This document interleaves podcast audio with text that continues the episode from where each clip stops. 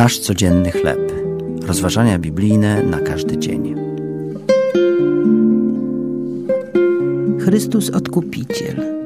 Tekst autorstwa Jennifer Benson Schult na podstawie Księgi Hioba, rozdział 19, werset 25.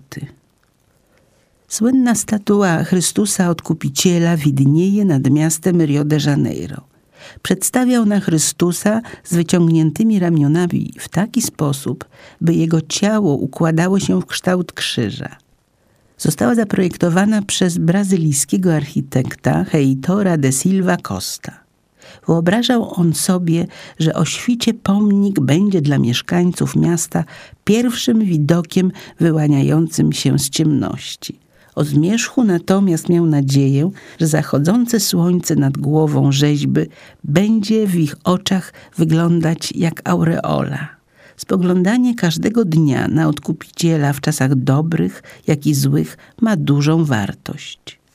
Gdy Hiob cierpiał, powiedział: Wiem, że odkupiciel mój żyje i że jako ostatni nad prochem stanie. Wołanie Hioba wskazuje nam na Jezusa, żyjącego Zbawiciela, który pewnego dnia ponownie zjawi się na ziemi. Kierowanie na Niego wzroku oznacza pamiętanie, że zostaliśmy wyratowani z naszych grzechów. Jezus dał samego siebie za nas, aby nas wykupić od wszelkiej nieprawości i oczyścić sobie lud na własność.